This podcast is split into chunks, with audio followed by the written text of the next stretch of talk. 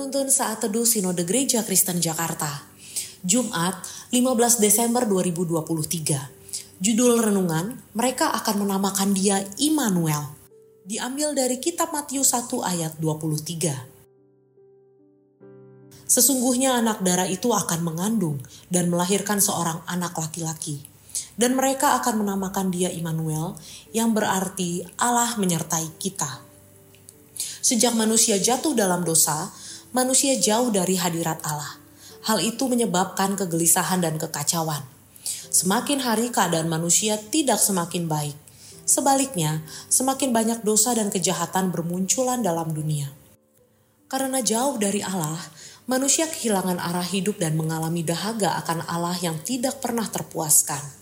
Namun apalah daya, tidak ada seorang pun yang dapat menjangkau hadirat Allah dengan kekuatannya sendiri berita kelahiran Kristus memberikan pengharapan yang sangat besar bagi setiap orang. Sebab Kristus yang datang akan disebut Immanuel, yang artinya Allah beserta kita. Tidak ada berita yang lebih besar dari berita ini. Allah akan kembali menyertai kita ini artinya bahwa segala dahaga akan Allah yang menimbulkan kegelisahan itu akan disembuhkan, dan setiap orang memiliki pengharapan yang baru untuk kembali memiliki makna hidup yang sejati.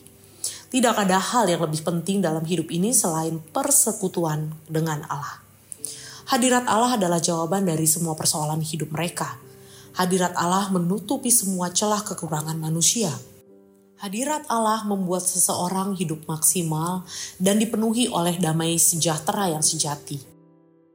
Immanuel adalah berita pengharapan yang sangat besar dalam sejarah peradaban kita. Sekarang pertanyaan pentingnya adalah bagaimana Anda menyambutnya dalam hidup Anda? Beberapa minggu lagi kita akan memperingati peristiwa yang sangat penting, yaitu penggenapan janji Immanuel melalui kelahiran Kristus. Bagaimana Anda akan menyambutnya?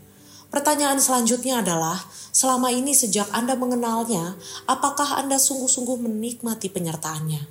Sudahkah hadiratnya menjadi bagian dari hidup Anda? Banyak orang Kristen yang belum sungguh-sungguh hidup dalam damai sejahtera Allah oleh karena mereka tidak mendekatkan diri kepada Tuhan dan tidak membangun relasi dengannya. Tuhan hanya dijadikan seperti layanan panggilan darurat, hanya dicari ketika perlu.